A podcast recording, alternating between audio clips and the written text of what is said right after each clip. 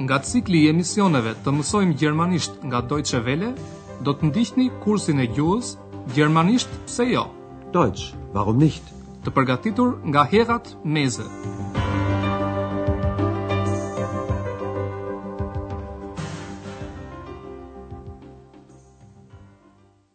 Herzlich willkommen, liebe Hörerinnen und Hörer. Tungjatjeta të dashur miq. Mirë se erdhët në pjesën e dytë të kursit të gjermanishtes në radio Deutsch, warum nicht? Mësimi ynë i parë sot mban titullin Kush je ti? Wer bist du? Në fillim do të përsëritim një teknikë që ua shpjeguam në pjesën e parë të kursit, e cila ju ndihmon për të kuptuar gjermanishten më lehtë. Pastaj do t'ju prezantojmë edhe një herë personazhet kryesorë të kursit. Ata do t'i paraqesim me anë të një gjëze, kështu që nëse doni të na ndiqni, ju duhet një letër dhe një laps. Hollësitë e tjera do t'ua shpjegojmë më vonë. Dhe ja tani situata e parë. Si gjithmonë kemi menduar një detyrë për ju. Dëgjoni dhe përpiquni të kuptoni se ç'po ndodh. Einmal eine Vorlage geben, dann abgespielt zu Breme. Breme, was macht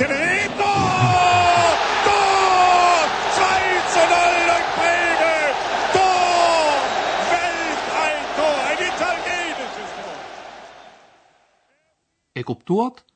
Po, ai që dëgjuat ishte një reportazh për një ndeshje futbolli.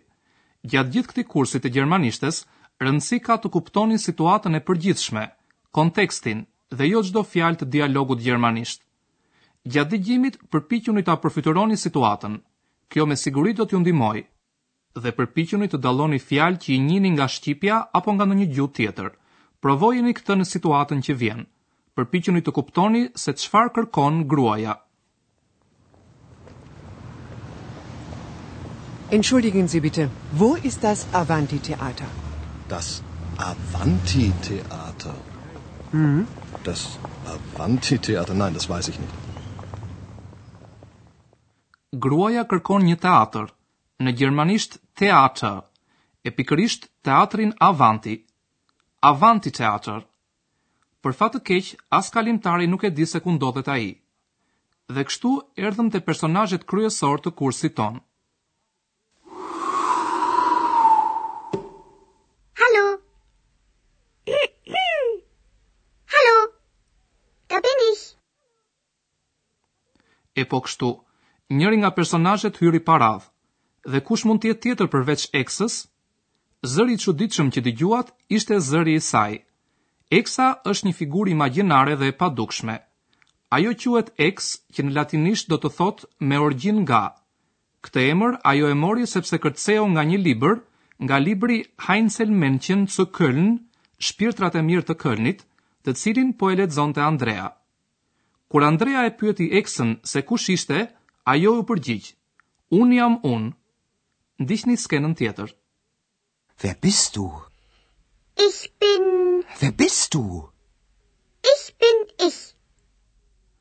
Në këtë skenë ju dëgjuat personazhin kryesor të kursit tonë, Andrea Sheferin. Që prej këtij çasti, Eksa e shoqëron atë kudo, i pëlqen apo nuk i pëlqen Andreas. dhe kjo shkakton mjaft konfuzion meqenëse Eksa është e padukshme. Dhe tani le të vijmë te gjëza. Ju do të dëgjoni disa dialogë dhe ajo që duhet të bëni është të dalloni fjalë të caktuara dhe t'i shkruani ato. Më vonë ne do t'ju kërkojmë të shkëputni një gërmë për çdo fjalë, Nëse veproni si duhet, këto gërma do të formojnë një fjalë që është shumë e rëndësishme për këtë kurs gjuhe. Pra fillojmë. Në skenën e parë ju mësoni që Andrea studion për gazetari. Cila është forma e mirësjelljes me të cilën burri i vjetër i drejtohet Andreas? Kur ta gjeni fjalën, shkruajeni atë. Sagen Sie mal, was machen Sie? Studieren. Was studieren Sie? Journalistik.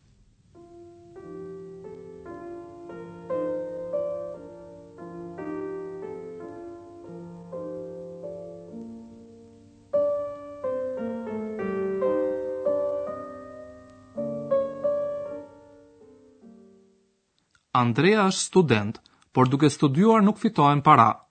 Prandaj Andrea ka gjetur një punë me të cilën fiton diçka. Dëgjoni skenën që vjen. Cila është puna që bën Andrea? Sapo ta gjeni fjalën, shkruajeni pranë së parës. Sie sind neu hier, oder? Ich glaube, Sie sind der Portier. Stimmt. Und ich bin Student. Was denn? Student oder Portier? Student und Portier.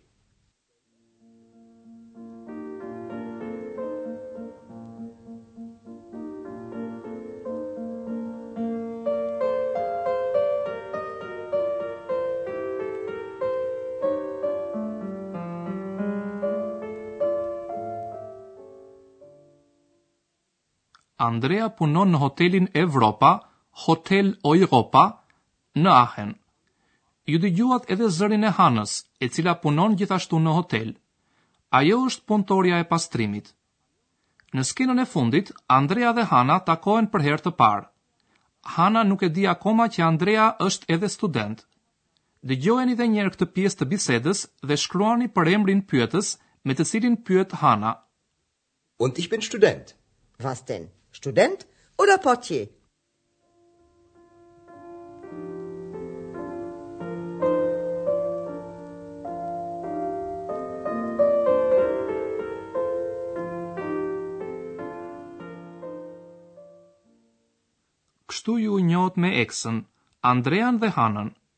Ju gjithashtu mësuat se kursi i gjuhës zhvillohet në hotelin Evropa. Drejtoresha e hotelit është zonja Berger. Ajo është pak e habitur nga zëri i çuditshëm që dëgjon kudo ku ndodhet Andrea. Sigurisht, është zëri i eksës. Në skenën nga pjesa e parë që do të ndiqni tani, zonja Berger dhe Andrea janë ulur në një restorant. Zonja Berger e pyet Andrean se ç'do të marrë për të pirë zëri i tij i dytë. Përpiquni të dalloni gjatë dëgjimit se cila fjalë në gjermanisht i përgjigjet fjalës zë. Shkruajeni përgjigjen sapo ta gjeni. Ich trinke ein Mineralwasser. Und Sie? Ein Bier. Und Ihre zweite Stimme? Einen Orangensaft. Ziemlich frech, Ihre zweite Stimme.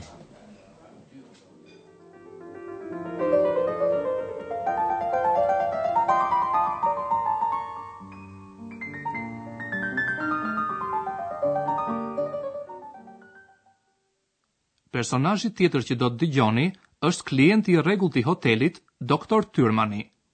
Eksa këndon një këngë shumë të njohur për qytetin prej të cilit vjen Doktor Tyrmani. Përcaktoni gjatë dëgjimit emrin e qytetit dhe shkruajeni. Berlin, Er wohnt in Berlin.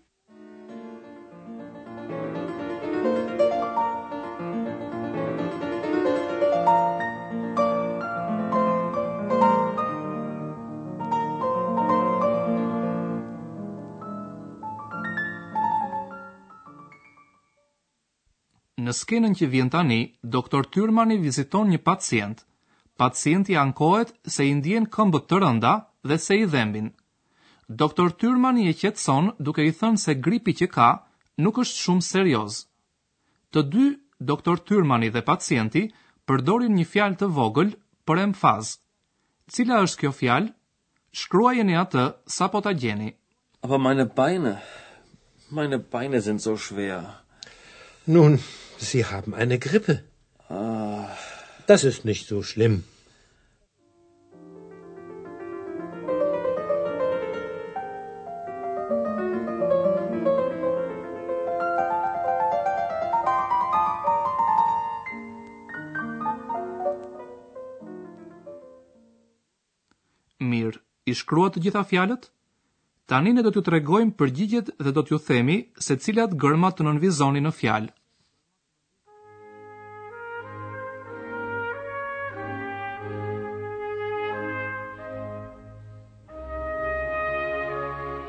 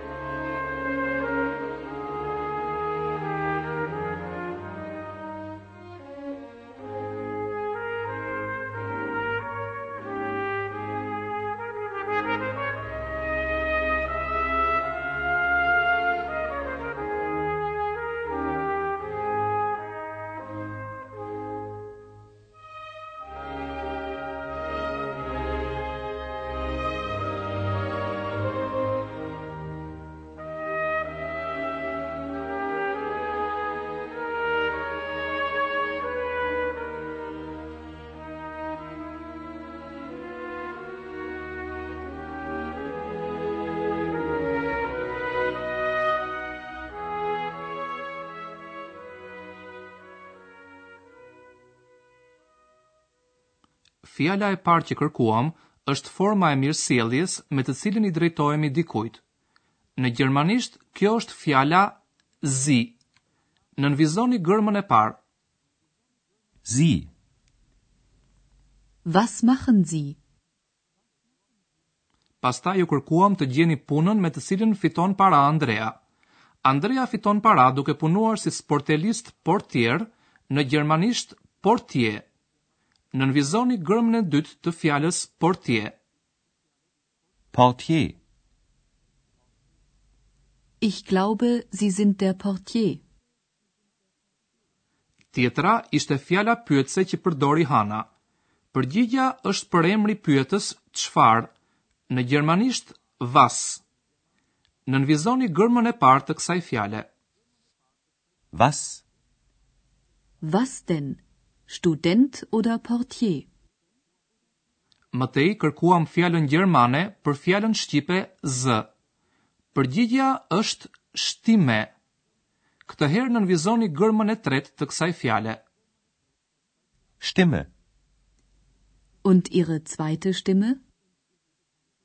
Emri i qytetit ku jeton Doktor Tyrmani është Berlin, që në gjermanisht shqiptohet Berlin.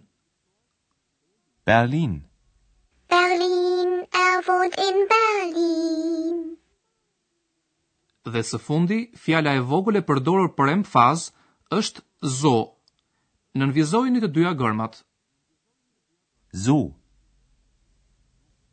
Das ist nicht so schlimm. Po t'i bashkoni të gjitha këto gërma, ato do të formojnë fjalën sowieso. Sowieso. Sowieso. Sowieso. Sowieso ka kuptimin vetëkuptohet, me çdo kusht. Nganjëherë ajo përdoret me kuptimin e pse jo? Siç do ta kuptoni më vonë, sowieso është fjalë magjike. Ky ishte edhe mësimi i parë. Do të gëzoheshim sikur edhe herën tjetër t'ju kishim pranë radiove. Mirudëgjofshim. Auf Wiederhören. Sowieso. Ndoqët kursin e gjuhës gjermanisht pse jo? Deutsch warum nicht? Prodhim i Deutsche Welles në bashkëpunim me Institutin Goethe.